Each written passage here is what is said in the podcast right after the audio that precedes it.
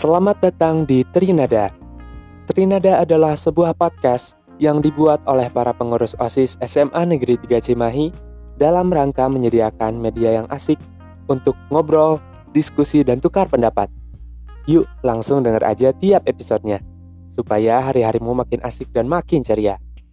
Jangan lupa juga untuk follow akun Instagram kami di @osis3cimahi. Halo pemirsa Trinada dan warga Semaluci. Kembali lagi di podcast Trinada.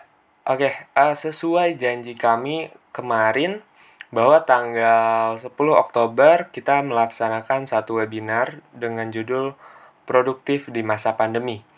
Nah, sama seperti episode sebelumnya, kali ini kami akan menyampaikan rekapan atau rekaman ulang dari webinar yang telah berlangsung.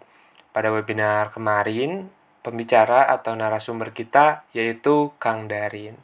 Kang Darin ini salah satu alumni juga dari SMA Negeri 3 Cimahi dan juga merupakan purna atau ya purna dari OSIS SMA Negeri 3 Cimahi.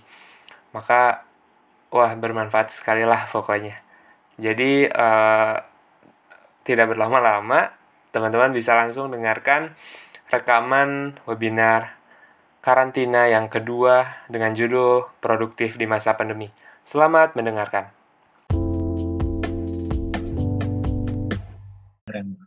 Uh, mari kita sambut Kang Darin Hanif Praptama Putra. Untuk Kang Darin, aku persilahkan. Ya, halo semuanya. Apa kabar? Uh, halo Kang. Halo Kang. Halo Kang. Halo Kang. Halo Kang. Aduh, Masya Allah banget nih. Hari Minggu masih pada produktif semua nih. Ya mungkin gimana nih uh, moderator? Langsung saya mulai aja atau gimana? Boleh banget Kang, langsung mulai aja. Oke, saya izin share screen ya. Boleh tolong di ini permission ya.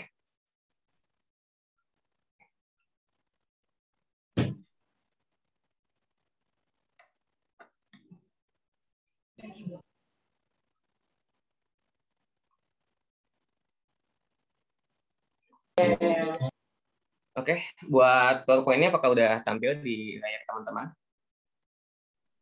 Sudah, Kang. Sudah. Bismillahirrahmanirrahim. Assalamualaikum warahmatullahi wabarakatuh. Waalaikumsalam warahmatullahi wabarakatuh. Ya, mungkin teman-teman semua udah pada tahu nih hari ini mau bahas apa. Hari ini kita mau bahas tentang, ini lebih ke sharing-sharing aja mungkin ya pengalaman aku selama mungkin ya seenggaknya satu tahun ini gitu belajar buat UTBK, mengikuti organisasi dan kegiatan-kegiatan politik lainnya mungkin. Di sini aku mau sharing sedikit tentang produktif di masa pandemi. Oke. Sebelumnya tak kenal maka tak sayang. Maka dari itu aku mau kenalan dulu nih sama teman-teman semua. Nama aku Darin Hanif Pratama Putra. Aku juga merupakan alumni SMA Negeri 3 Cimahi, seperti yang udah disebutkan sama teman-teman moderator tadi. Kebetulan di SMA 3 aku juga ikut OSIS nih, aku jadi kakaknya Raffi nih di seksi bidang 2 waktu itu. Kakak aku melanjutkan studi di Universitas Pendidikan Indonesia, jurusan Ilmu Ekonomi dan Keuangan Islam. Di sini juga mungkin ada sedikit beberapa pengalaman organisasi aku yang aku ambil yang paling aku aktifnya.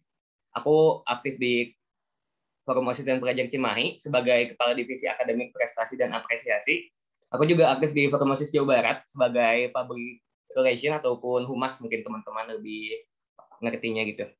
Nah, buat teman-teman yang mau koneksi sama aku boleh banget di follow aja uh, IG aku di @drn hanif F-nya 2 atau mungkin teman-teman yang udah punya LinkedIn boleh di connect juga nih di dari Hanif Putra. Oke, mungkin sedikit aja perkenalan dari aku.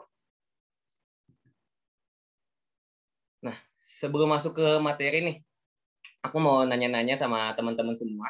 Emangnya kalian selama pandemi ngapain aja sih di rumah? Boleh dijawab di kolom komentar ya. Ini, apakah ada yang bermain ML aja? Atau malah apa? Oh, main game nih. Najwa Main game aja katanya. Main crab, main crab. Oh, Udah, membangun terus.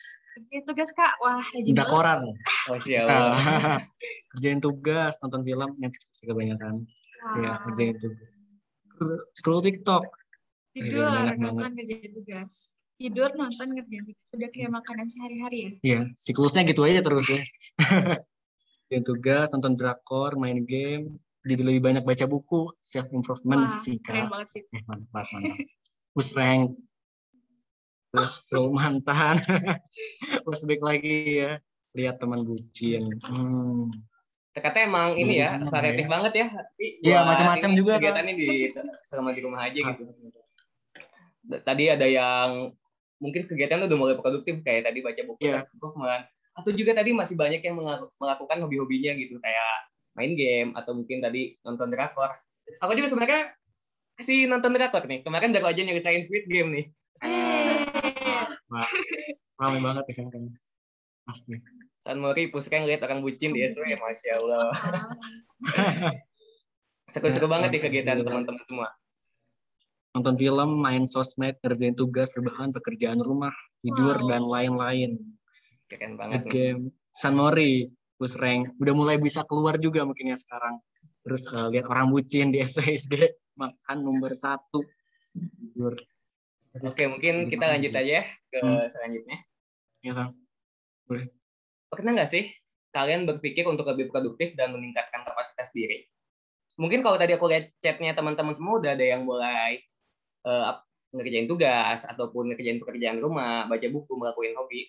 Tapi pernah nggak sih kalian berpikiran buat meningkatkan kapasitas diri lagi gitu? Kayak mungkin kalian ingin mengikuti pelatihan-pelatihan ataupun kalian mengikuti kegiatan-kegiatan volunteer kayak gitu. Nah, nah pandemi ini banyak banget ngubah kehidupan kita teman-teman mulai dari yang awalnya sering ke sekolah, jadi setiap hari di rumah aja. Mulai dari yang setiap hari bangunnya jam 6 pagi, jadi bangunnya jam 10 siang. Jadi pandemi ini benar-benar berpengaruh banget buat kita, benar-benar mengubah pola hidup kita, dan juga mengubah mindset kita gitu. Bisa bisa dilihat juga di sini, itunya. eh, pandemi emang ngaruh banget ke rutinitas kita sehari-hari karena adanya pembatasan sosial demi memutus rantai penyebaran COVID-19.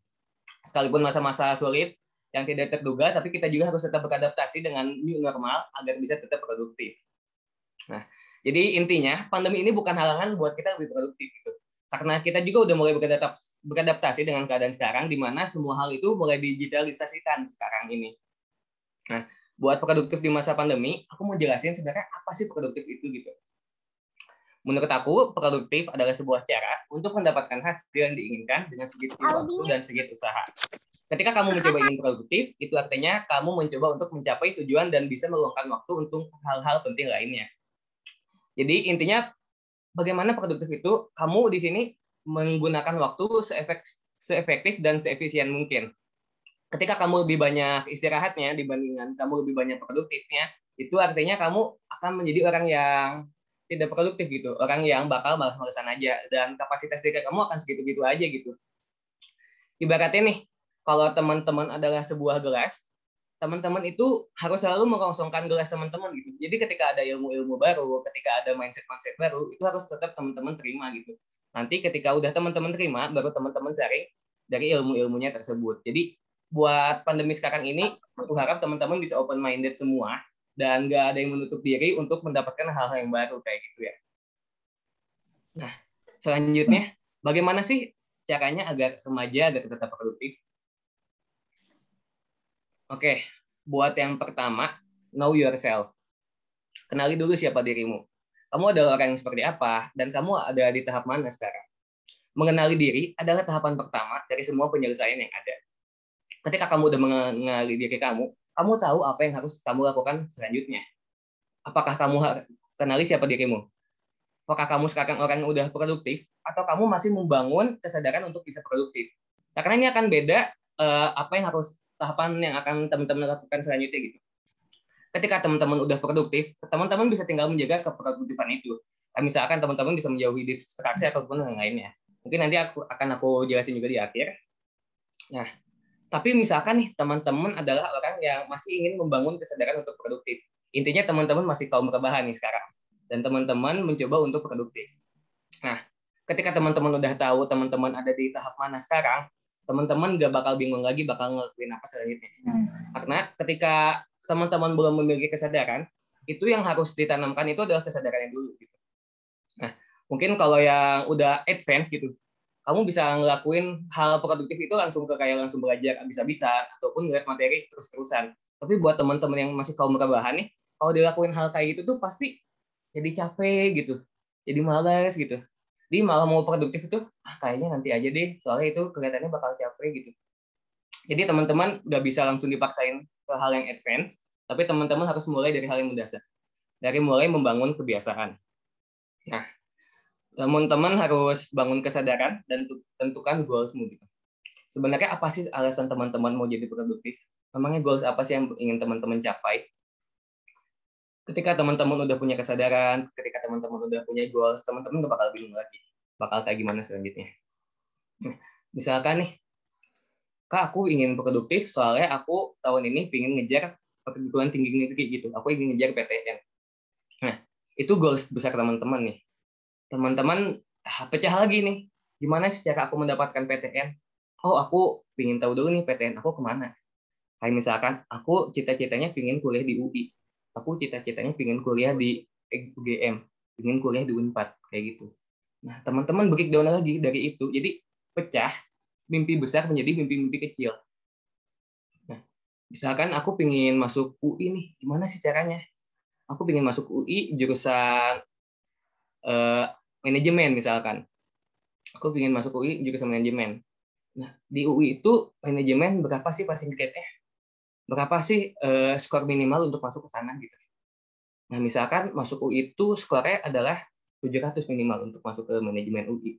Dan 700 itu sebenarnya nggak cuma 700 doang, tapi teman-teman harus meningkatkan uh, pelajaran ekonomi dan sosiologi teman-teman. Mungkin buat teman-teman kelas 12 juga udah mulai paham misalkan kalau kalau aku mau masuk manajemen aku harus ngedain pelajaran di manajemen sama sosiologi atau misalkan aku ingin masuk ke teknik aku harus ngedain nilai fisika aku nah ketika udah jadi mimpi-mimpi kecil teman-teman udah tahu step-stepnya kayak gimana itu bakal memudahkan teman-teman buat melakukan apa yang harus teman-teman lakukan misalkan tadi udah tahu nih untuk masuk manajemen itu ternyata suaranya harus 700 untuk masuk manajemen itu skor 700 yang dilihat itu lebih ke sosiologi sama ekonomi Nah, dari situ mungkin teman-teman udah nggak bakal bingung, teman-teman harus start dari mana. Teman-teman mungkin bisa belajar dari sosiologi dan ekonomi. Nah, itu bisa itu bisa teman-teman pecah lagi jadi mimpi-mimpi yang lebih kecil lagi. Kayak misalkan nih, sosiologi, aku harus belajar materi apa sih? Untuk ekonomi, aku harus belajar materi apa sih? Kalau saran aku, kayak tadi, know yourself, kenali dirimu gitu. Ketika teman-teman masih ada di tahap yang bingung dan nggak tahu harus ngapain, teman-teman boleh mencoba dari hal yang teman-teman suka dulu gitu Kayak misalkan sosiologi, ah aku lebih sukanya di materi kelompok sosial, ataupun di ekonomi aku lebih suka materi akuntansi. Nah, teman-teman bisa langsung pelajarin hal yang teman-teman suka dulu gitu. Ketika teman-teman nggak suka akuntansi, ya udah jangan belajar dari akuntansi gitu. Belajarnya dari hal yang lain gitu. Misalkan dari menghitung GDP, menghitung atau fungsi-fungsi manajemen ataupun yang lainnya kayak gitu. Jadi ketika teman-teman tahu teman-teman itu masih kaum kabahan, mungkin teman-teman tahu masih aku nggak punya kesadaran ini itu bisa teman-teman mulai dari apa yang teman-teman suka ketika teman-teman udah mulai mempunyai kesadaran dan tahu harus ngapain itu udah mulai mencoba ke hal yang lebih advance mungkin dari persebaran materinya gitu. Kalau so ekonomi persebaran materinya lebih banyak di mana ya? Kalau, kalau sosiologi persebaran materinya lebih banyak di kelompok sosial kah? Atau lebih banyak di stratifikasi sosial ataupun yang lainnya? Nah itu ketika teman-teman udah tahu harus ngapain teman-teman bisa lebih advance lagi gitu ke depannya. Oke, lanjut ke selanjutnya. Bangun kebiasaan. Nah, step ketiga ini adalah bangun kebiasaan. Untuk menjadi orang yang produktif, bukanlah berbicara mengenai kegiatan, tapi ini tentang kebiasaan yang akan kamu lakukan setiap harinya. Bukan berarti aku ingin produktif, hari ini aku produktif, besok enggak. Produktif itu adalah ketika kamu melakukan hal tersebut secara berulang kali setiap harinya gitu. Produktif bukan berarti cuma sekali beres, besoknya udah enggak lagi. Itu kamu bukan orang yang produktif kalau kayak gitu. Oleh karena itu, teman-teman ya kembali lagi ke step awal gitu. Know yourself. Aku kayak gimana sih orang aku? Kebiasaan aku tiap hari masih bangun tidur langsung buka HP gitu. Kebiasaan aku bangun tidur langsung olahraga mungkin ada yang kayak gitu. Nah, bangun kebiasaan ini bakal banget banget penting buat teman semua supaya bisa memupuk uh, kebiasaan yang lebih baik ke depannya. Ada yang namanya aku lupa nama teorinya apa, Eh, tapi intinya teman-teman oh apa ya Atomic Habits ya. Mungkin kalau teman-teman pernah baca bukunya Atomic Habits di situ ngejelasin bagaimana hal-hal kecil dapat mengubah dunia. Kayak misalkan nih teman-teman pertama kali bangun tidur itu langsung beresin tempat tidur bukan buka HP nah itu coba lakuin aja terus gitu tiap hari. Ketika bangun tidur aku langsung beresin tempat tidur baru aku buka HP dibalik gitu. Dari hal kecil itu teman-teman ketika udah konsisten ketika udah istiqomah bisa lanjut lagi ke step selanjutnya. Habis bangun tidur aku mau ambil wudhu misalkan. Habis bangun tidur aku mau olahraga kecil. Nah nanti kebiasaan kecil itu bakal nambah lagi nambah lagi nambah lagi yang akhirnya membuat teman-teman lebih produktif ke depannya. Tapi intinya dari awal tadi atomic habits bagaimana hal-hal kecil dapat mengubah dunia. Teman-teman bisa mulai dari habis bangun tidur jangan dulu buka HP habis bangun tidur itu langsung misalkan bersihin tempat tidur baru nanti level up ke step selanjutnya oke. Sulit menjadi produktif ketika kamu tidak memiliki kesadaran yang baik. Kayak yang tadi udah aku udah omongin gitu. Kalau teman-teman misalkan nih hal kecil aja kayak beresin tempat tidur itu gak teman-teman lakuin ya gimana teman-teman mau level up ke step selanjutnya gitu. Padahal hal sekecil beresin tempat tidur aja enggak gitu. Makanya ini tuh bakal membangun kebiasaan teman-teman. Kayak gitu. Oke cari waktu terbaikmu. Aku percaya setiap orang memiliki kepribadian yang berbeda-beda. Mungkin ada yang waktu produktifnya pada pagi hari atau mungkin ada yang waktu produktifnya itu pada malam hari gitu. dan itu aku nggak menyalahi karena setiap orang itu memang berbeda-beda gitu.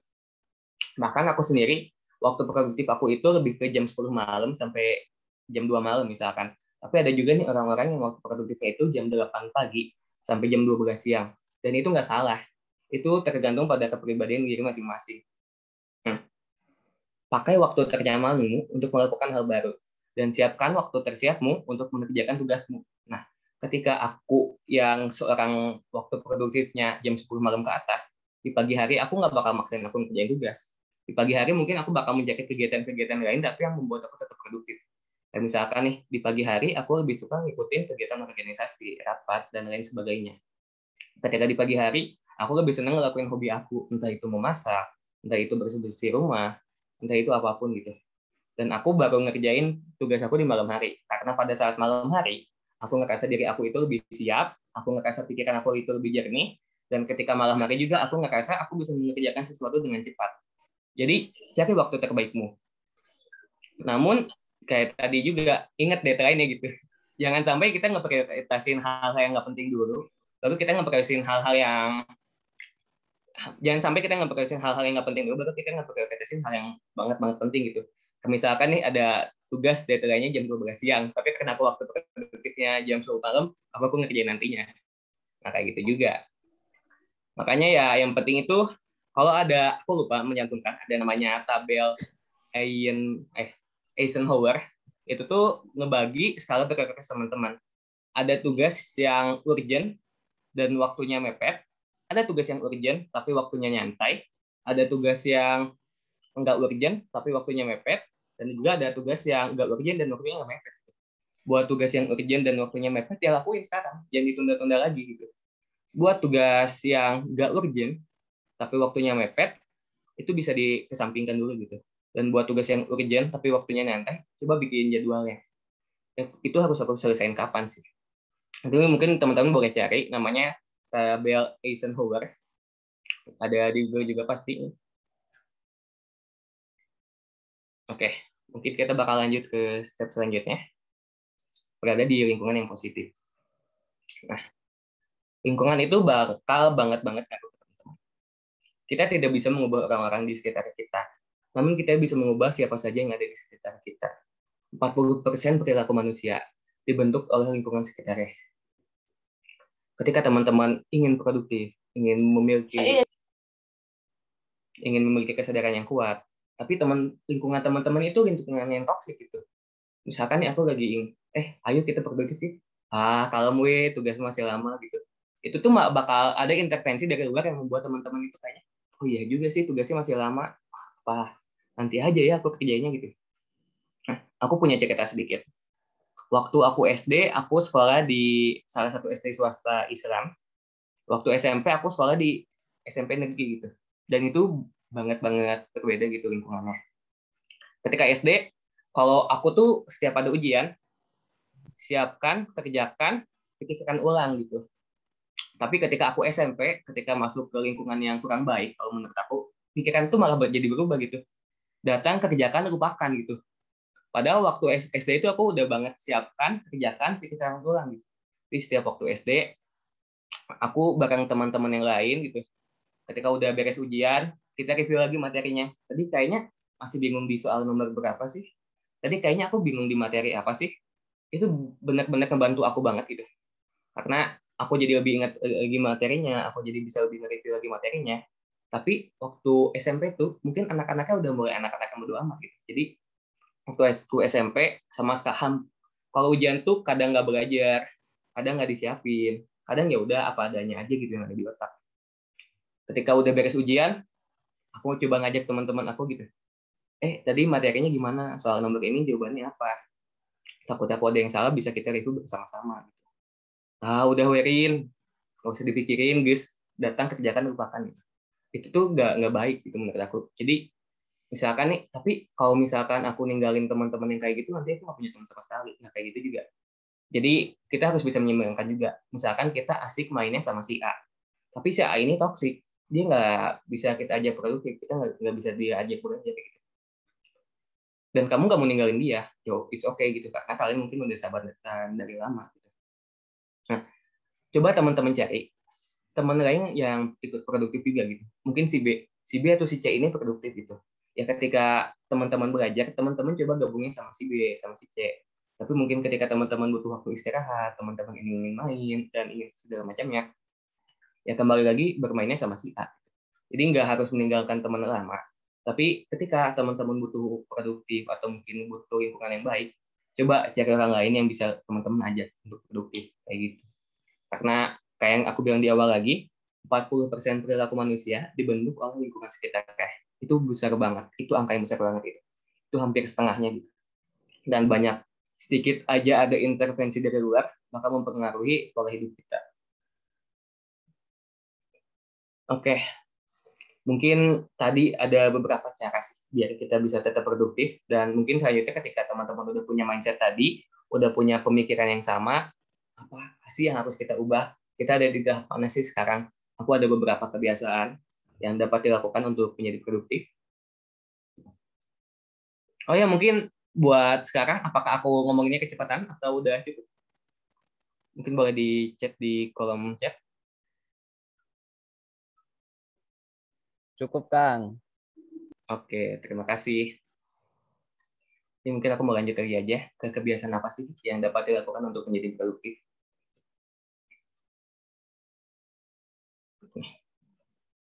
Nah, ketika teman-teman udah punya kesadaran yang sama, ketika teman-teman udah punya mindset yang sama, ini tuh udah mulai bisa teman-teman lakukan gitu.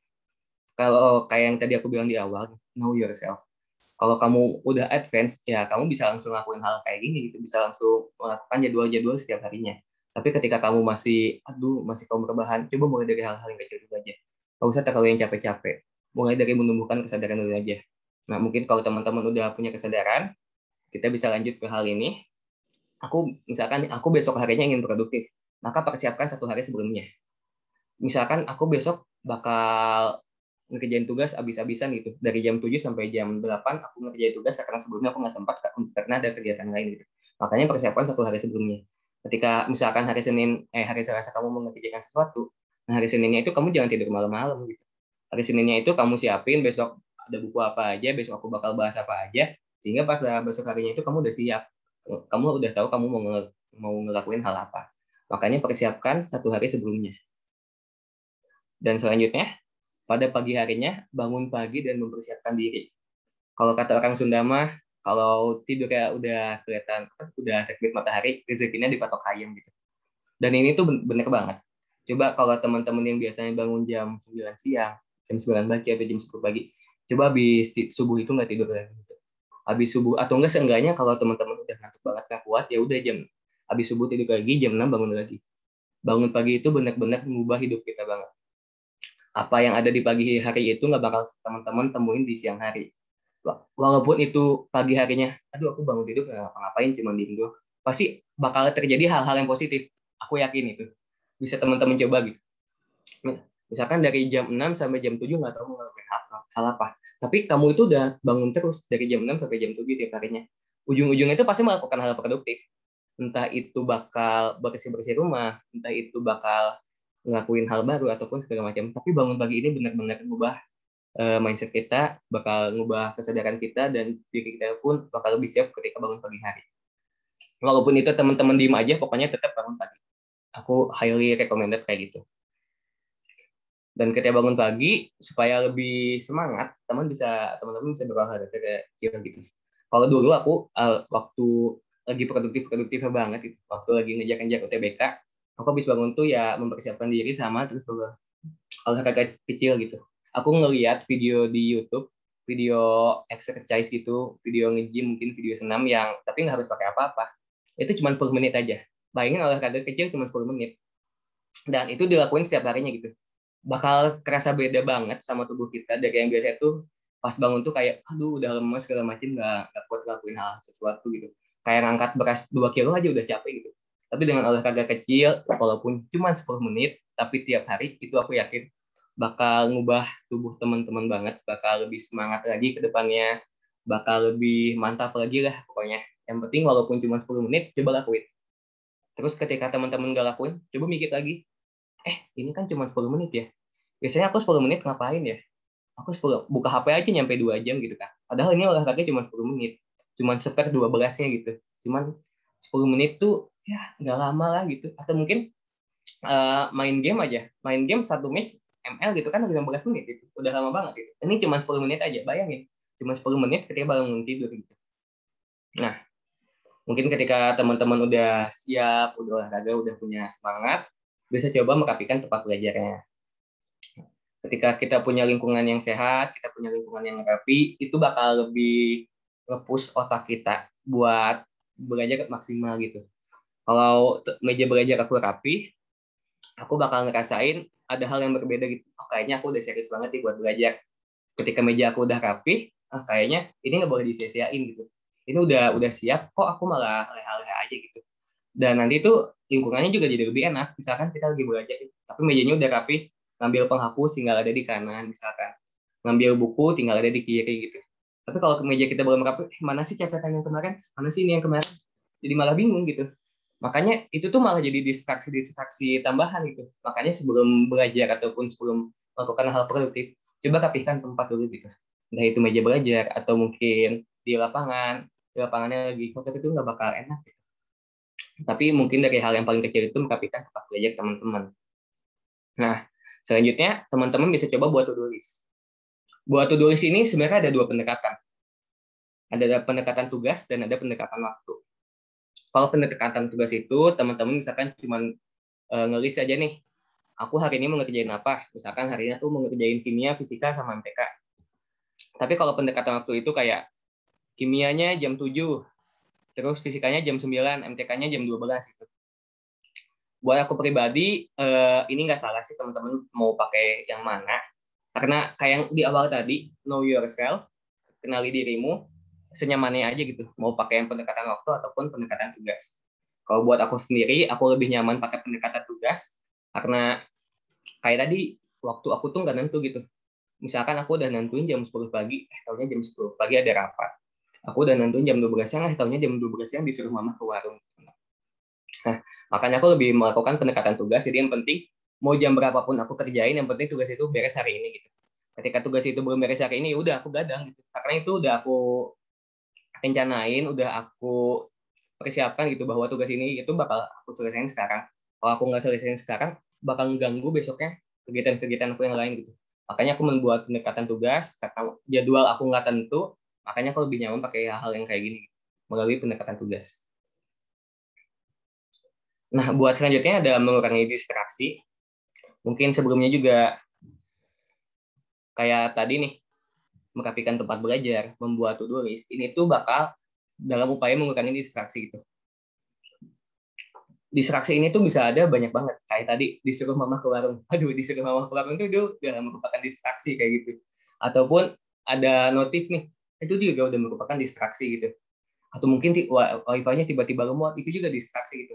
Makanya coba mengurangi distraksinya. Kayak misalkan aduh ada notif HP aku jauhin HP nih. Terus ada distraksi aduh kayaknya suasana belajar aku nggak enak karena tempat tidur aku belum rapi. Ya udah kita belajar kan jangan jangan ada ke tempat tidur. Atau enggak kita merapikan tempat tidurnya dulu gitu. Makanya distraksi ini harus teman-teman kurangin banget karena sedikit aja ada distraksi itu bakal mempengaruhi ke mood teman-teman bakal mempengaruhi ke perasaan teman-teman gitu. Dulu aku kadang kalau belajar tuh gini ya uh, belajarnya udah mau cuman niatnya nggak ada gitu. Ya belajarnya cuma satu jam tapi ngumpulin niatnya tiga jam gitu. Nah itu tuh banyak banget gitu distraksinya. Makanya coba kurangin distraksi dulu. Udah mengurangi distraksi mungkin lebih nyaman bahasa belajarnya dan nggak ada gangguan gitu. Nah selanjutnya nih fokus pada satu hal dan jangan multitasking. Mungkin buat teman-teman sekarang yang kayak aduh aku keren banget ya aku bisa multitasking. Aku keren banget ya bisa nyelesain dua hal dalam satu waktu. Nah, itu sebenarnya nggak baik. Karena ketika kita multitasking kita nggak bakal maksimal dalam satu hal gitu. Coba mulai dari satu hal aja dulu gitu. Ketika teman-teman udah fokus pada satu hal aku yakin itu bakal maksimal banget. Waktu yang teman-teman curahkan tuh nggak sia-sia. Ada ada satu penelitian yang mengatakan belajar saat belajar fokus satu jam itu lebih baik daripada belajar empat jam tapi nggak fokus gitu. Belajar satu jam tanpa distraksi, belajar satu jam dengan deep work gitu, deep study dibandingin belajar empat jam dengan multitasking itu lebih baik belajar satu jam dengan fokus dengan deep. Makanya ini bakal ngaruh banget ke teman-teman. Coba jangan multitasking. Coba belajar dulu apa yang ada di depan mata, baru kita kerjakan kerjaan selanjutnya. Karena dengan kita mengerjakan apa yang ada di depan mata, aku yakin bakal lebih maksimal, bakal lebih cepat juga ngerjainnya. Makanya baru kita bisa fokus ke hal yang lainnya. Kayak gitu. Selanjutnya nih, mencatat hal-hal penting. Mencatat ini banget-banget disarankan buat teman-teman semua. Itu walaupun hanya sedikit aja, misalkan kayak tadi aku ngomong apa, uh, poin pentingnya aja gitu, dicatat di mana aja bebas. Kalau aku lebih nyaman nyatet di WA aku punya satu kontak yang isinya diri aku sendiri gitu. Itu buat catat hal-hal penting aja. Kayak misalkan aku lima menit ke depan mau ngomong apa takutnya lupa aku catat gitu. Bahkan event event itu aku lima menit ke depan mau ngomong apa itu aku tulis gitu aku catat gitu. Kayaknya hari ini aku mau ngomongin tentang produktif gitu. Di produktif ini aku mau nge-highlight materi tentang hukum lima menit misalkan. Tapi nggak ada di PPT ini ya udah aku tulis dulu gitu nah mungkin kalau buat catatan nih catatan belajar catatan atau catatan apa pun itu buat hal-hal pentingnya coba di highlight gitu. Pakai stabilo ataupun pakai pulpen warna lain. Karena manusia itu bakal ngeh banget sama yang namanya warna-warna bakal nyaman banget sama yang namanya warna gitu. Dan aku juga ada satu tips nih. Buat yang bingung tapi bukan buat catatan sekolah ya buat catatan pribadi coba pakai tinta warna biru tinta warna biru itu bakal lebih ngeekstraksi otak teman-teman buat lebih ingat buat lebih produktif coba pakai tinta warna biru nah Selanjutnya ada beristirahat dan melakukan hobi. Beristirahat ini nggak kalah penting karena kalau kita belajar terus, kalau kita kerja terus, itu juga kita bakal capek-capek terus gitu. Kita nggak ada waktu buat mengevaluasi diri, kita nggak ada waktu buat uh, melakukan hal yang kita senangi gitu. Mungkin kalau tadi aku bilang di awal gitu, kita itu susah banget nyari mood gitu.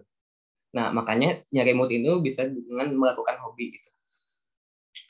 Coba cari apa yang teman-teman suka, coba cari apa yang teman-teman senangi dengan melakukan hobi gitu. Ketika nggak punya hobi ya coba aja join aja hobi orang lain.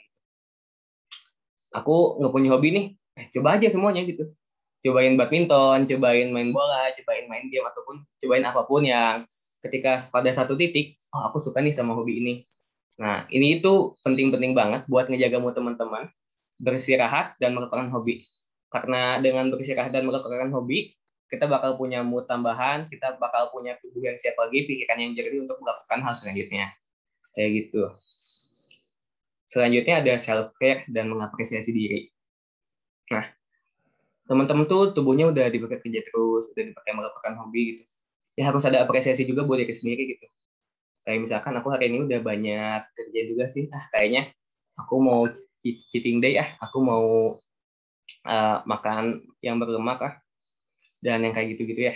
Atau misalkan mengapresiasi diri kayaknya. Aku nilai ulangannya udah 100 nih. Ah, aku mau makan di Starbucks misalkan. Dengan adanya apresiasi diri itu teman-teman merasa apa yang teman-teman kerjakan tuh nggak sia-sia gitu. Apa yang teman-teman kerjakan tuh ada hasilnya gitu. Walaupun itu dari teman-teman oleh teman-teman untuk teman-teman pribadi tapi ketika ada apresiasi ini bakal banget kebantu teman-teman ya kembali lagi untuk menaikkan mood itu untuk menjaga perasaan kita tetap baik tetap stay positif. Nah kayak gitu. Mungkin cara mengapresiasinya beda-beda. Ada yang aku kalau diapresiasi aku kalau apresiasi diri harus ada apresiasi dari orang lain juga kalau ada apresiasi diri harus main keluar ya itu silahkan aja gitu. Pokoknya jangan lupa juga buat mengapresiasi diri tapi tahu batasan juga. Oh kayaknya apresiasi diri aku lebih banyak dibandingkan kerja aku gitu. Nah itu juga salah gitu. Oke. Ini aku ada beberapa kegiatan yang bisa kalian lakukan selama pandemi gitu. Contohnya kayak tadi kayak tadi gitu untuk mencek mencek hobi baru. Misalkan nih teman-teman aku tahu nih ada yang suka main recorder gitu kan. Ya udah silahkan aja gitu main recorder. Ada yang sukanya main game gitu. Ya silahkan aja main game. Lakuin apa yang teman-teman suka gitu buat uh, produktif.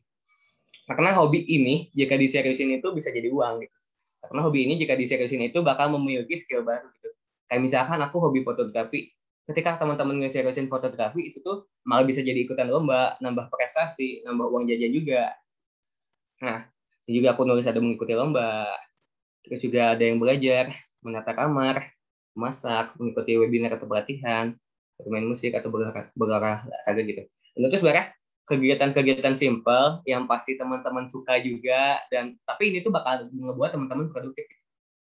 Kayak bermain musik. Itu sebenarnya kan kita uh, senang-senangan aja gitu. Tapi ternyata bermain musik ini bisa membuat kita produktif ketika kita seriusin.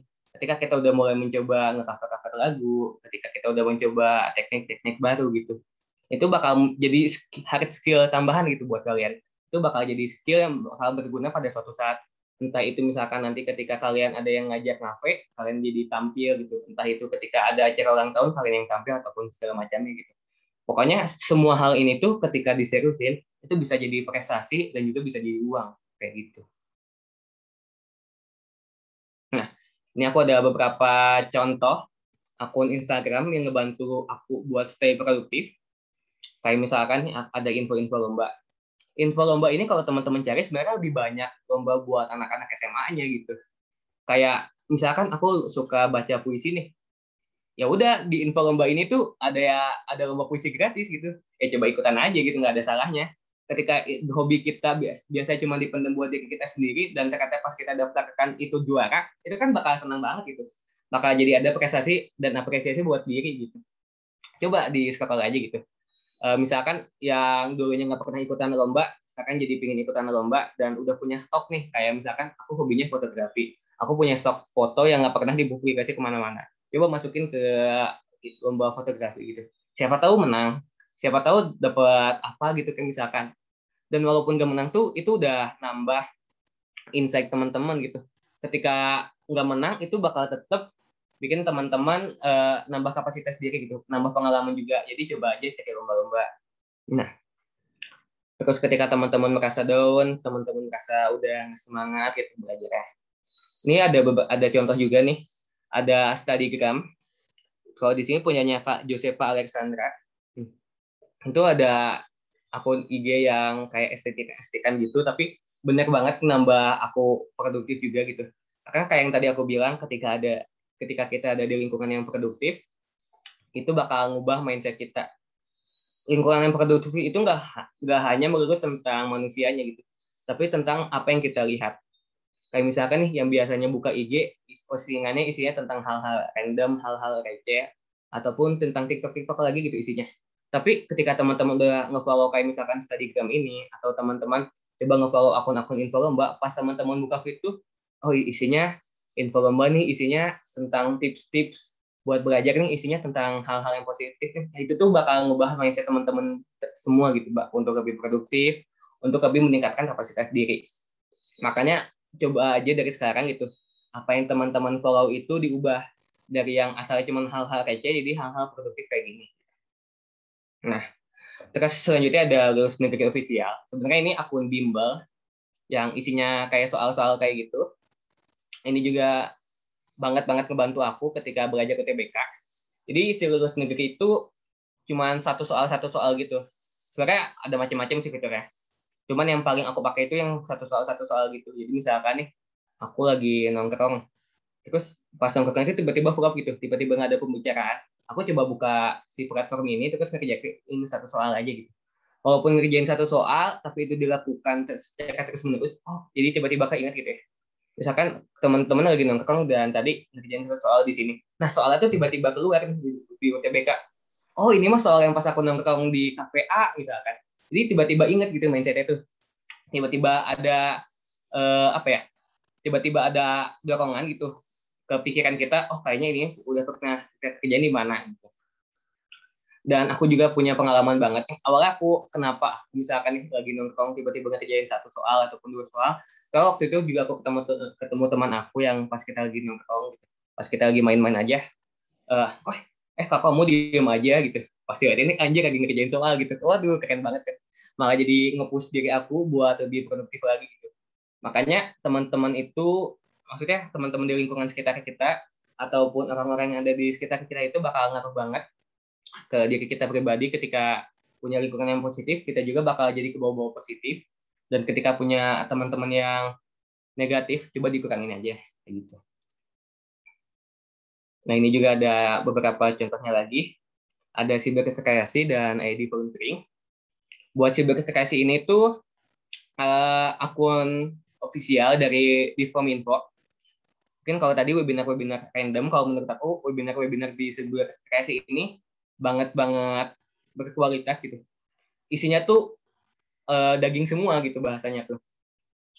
Jadi mungkin poin-poinnya pun poin-poin yang penting-pentingnya aja. Kayak misalkan kalau di webinar lain tuh lebih ngebahas ke hal-hal umum gitu.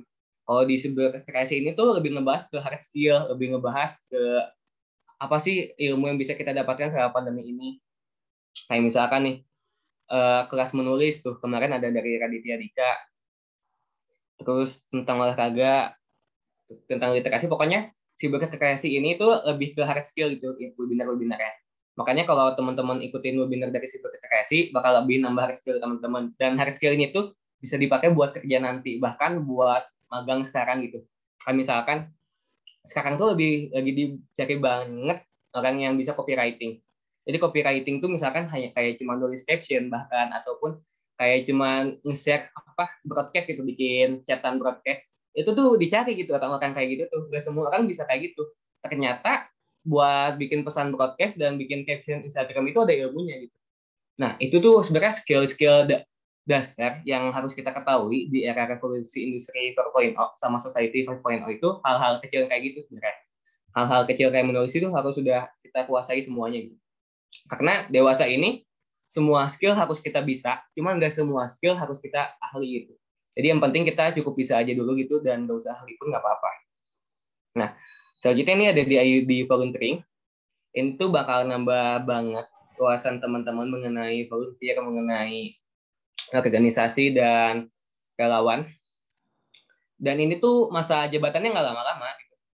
Ada yang cuma campaign doang, ada yang kita ikut organisasi atau eventnya gitu biasanya rentang waktu itu ada yang dari satu bulan sampai enam bulan aja. Jadi nggak lama-lama kok. Cuman kayak aku pingin tahu nih tentang tentang kesehatan mental atau mental health gitu. Nah coba teman-teman join aja di salah satu organisasi atau komunitas yang ada di ID Volunteering ini. Toh masa jabatannya cuma tiga bulan gitu. Jadi nggak harus terlalu komit juga sih. Yang penting kita udah dapat ilmu-ilmunya ya, ya that's it gitu. Pokoknya ini nggak nggak lama-lama biasanya cuma satu sampai enam bulan aja rata-rata ada di tiga bulanan. Dan ini tuh macam-macam banget kayak tadi ada mungkin mental health terus juga ada tentang sosialnya kayak misalkan bagi-bagi nasi ataupun tentang kelas fotografi atau ya pokoknya bervariatif banget ada di ID volunteering ini. Mungkin boleh teman-teman coba aja cari gitu. Aku sukanya di bidang apa dan coba ikut volunteer itu. Dan itu nggak lama kok. Ya paling cuma satu bulan sampai tiga bulan. Oke mungkin Terima kasih banyak dari aku. Uh, buat teman-teman yang masih bingung atau ada pertanyaan, boleh stay connected aja ke aku di IG-nya DRN Hanif atau mungkin yang masih ada pertanyaan juga. Ya, mangga silahkan. Aku kembalikan dulu aja mungkin ke MC. Baik, yang eh, teman-teman yang mau nanya atau kepo soal suatu hal boleh nih. Boleh juga untuk yang mungkin malu-malu gitu boleh lewat chat santai-santai. Yuk, yang mau nanya.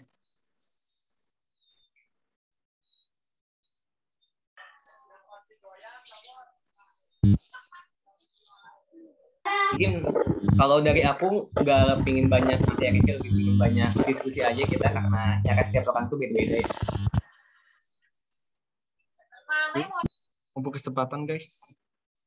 Yuk nanya yuk.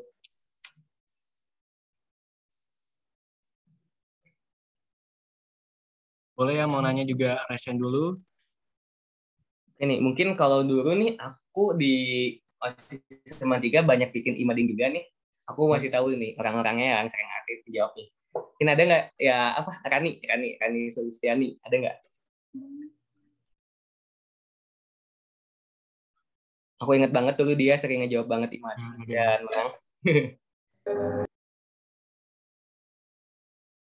Ada Kang, eh, boleh kepada Teh Rani kalau ada pertanyaan? Kalau nggak ada aku mau nanya sebenarnya ke Rani. ada enggak nih? Tuh. Eh, Rani, kalau aku kalau misalkan ada dan dan pengen jawab aku pengen nanya banget nih. Kok bisa sih ngejawab imading terus gitu dan menang terus gitu? Kayaknya produktif banget gitu hari-harinya. Aku mau nanya nih biasanya Rani setiap harinya ngapain gitu?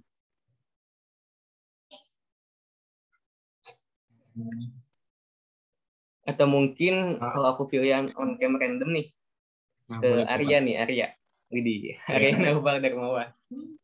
Ada nggak nih Arya? Halo Arya. Oh iya, halo. Kalau nggak salah kamu juga dulu sempat banyak jawab di Imading ya? Mat. Eh nggak banyak sih, cuman sempat sempat jawab jawab gitu. Dan kalau nggak salah ini ya yang suka main recorder kan?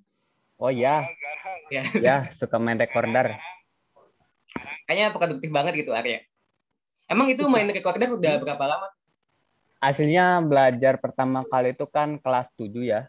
Hmm. Nah, kelas 8 tuh aku mulai mulai apa mulai sering main kayak gitu. Cuman masih asal-asalan. Sampai akhirnya makin sering makin sering akhirnya bisalah eh, main beberapa lagu gitu. Itu belajarnya atau didik atau ada yang ngajarin nih?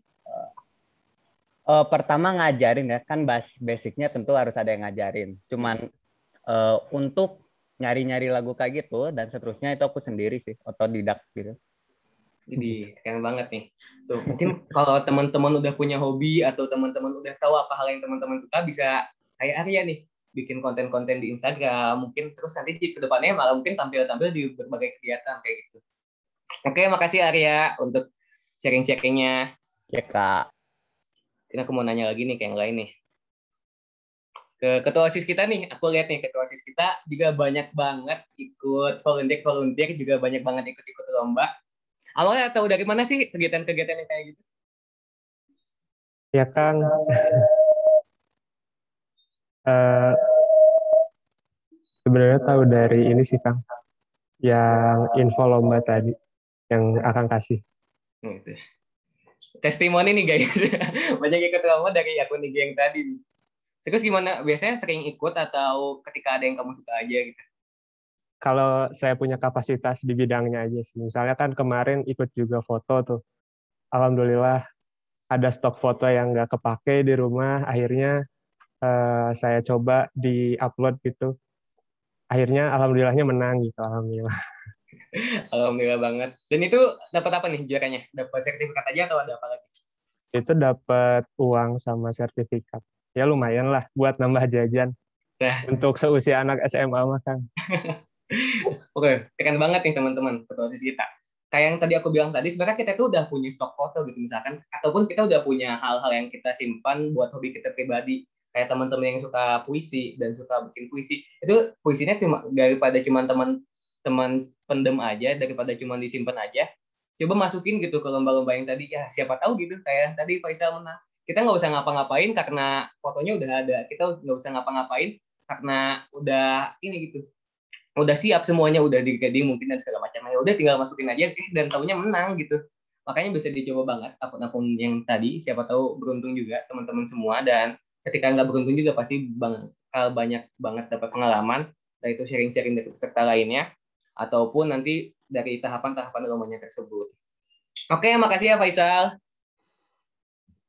Ya, sama-sama, Kang. Oh ya Kang, ini juga kita ngadain kolom pertanyaan buat yang ingin bertanya mengenai webinar ini beberapa hari yang lalu melalui ya Instastory ya. Iya, ya. Oke, Langsung aja. eh, pertanyaan pertama, bagaimana cara kita tahu kita sedang produktif atau hustle culture? Enggak Ini kan? Kang. Ini langsung aku jawab aja. Ya, boleh Kang. Oke. Bagaimana sih eh, cara kita tahu bahwa kita itu sedang produktif atau hustle culture kayak gitu ya? Ya, betul Kang. Oke. Yang pertama ya kayak tadi aku bilang di awal know yourself gitu. Ketika teman-teman tahu apa yang sedang teman-teman kerjakan, misalkan nih, ketika aku menghasilkan sesuatu ya berarti itu lagi produktif gitu. Ketika aku nyapu-nyapu hasil nyapu-nyapu rumah dan hasil rumah itu bersih ya berarti teman-teman lebih produktif gitu. Tapi misalkan ketika aku cuma rebahan doang, scroll TikTok doang dan gak menghasilkan apa-apa ya berarti nggak produktif. Tapi misalkan teman-teman scroll, scroll TikTok doang, tapi dari TikTok itu teman-teman bedah lagi, oh gimana sih cara bikin konten ini? Gimana sih cara bisa FYP misalkan? Gimana sih step by step editingnya? Dari situ teman-teman pelajari itu juga udah termasuk pro- produktif gitu. Intinya semua hal ketika diseriusin, aku yakin itu teman-teman sedang melakukan hal yang produktif gitu. Tapi kalau cuma kita lihat sepintas saja, cuma kita lihat sekilas saja, itu bukan hal yang produktif. Intinya hal yang produktif itu ketika teman-teman sedang melakukan sesuatu dan ada hasilnya. Kalau menurut aku kayak gitu sih.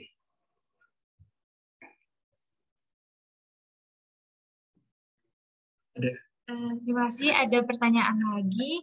Apa manfaatnya jika kita adalah orang yang produktif dalam kondisi pandemi ini?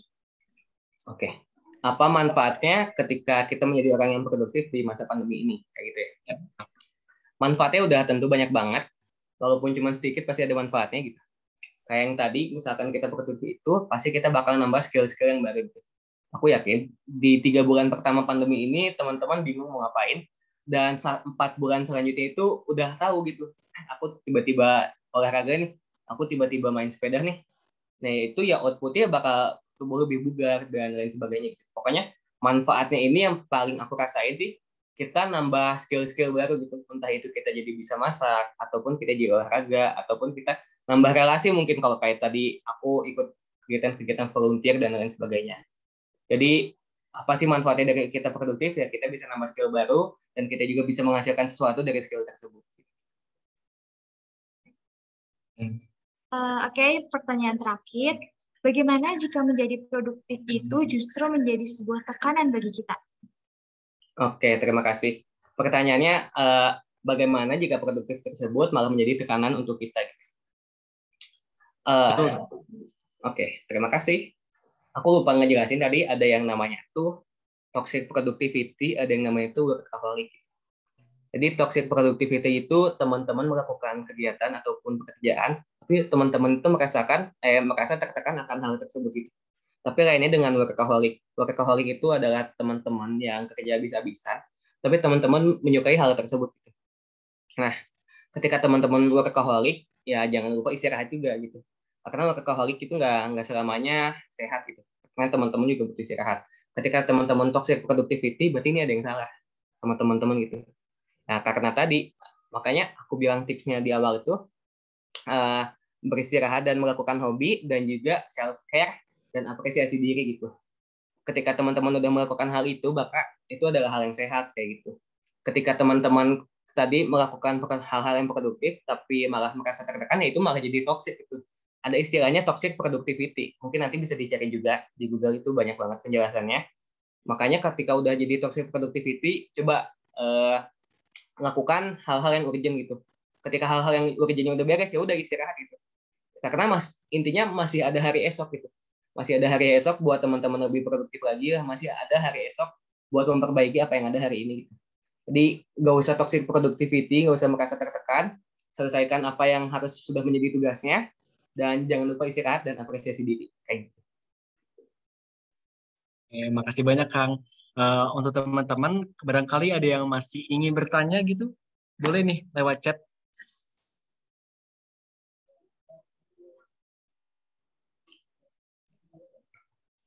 Hmm, Oke, Oke.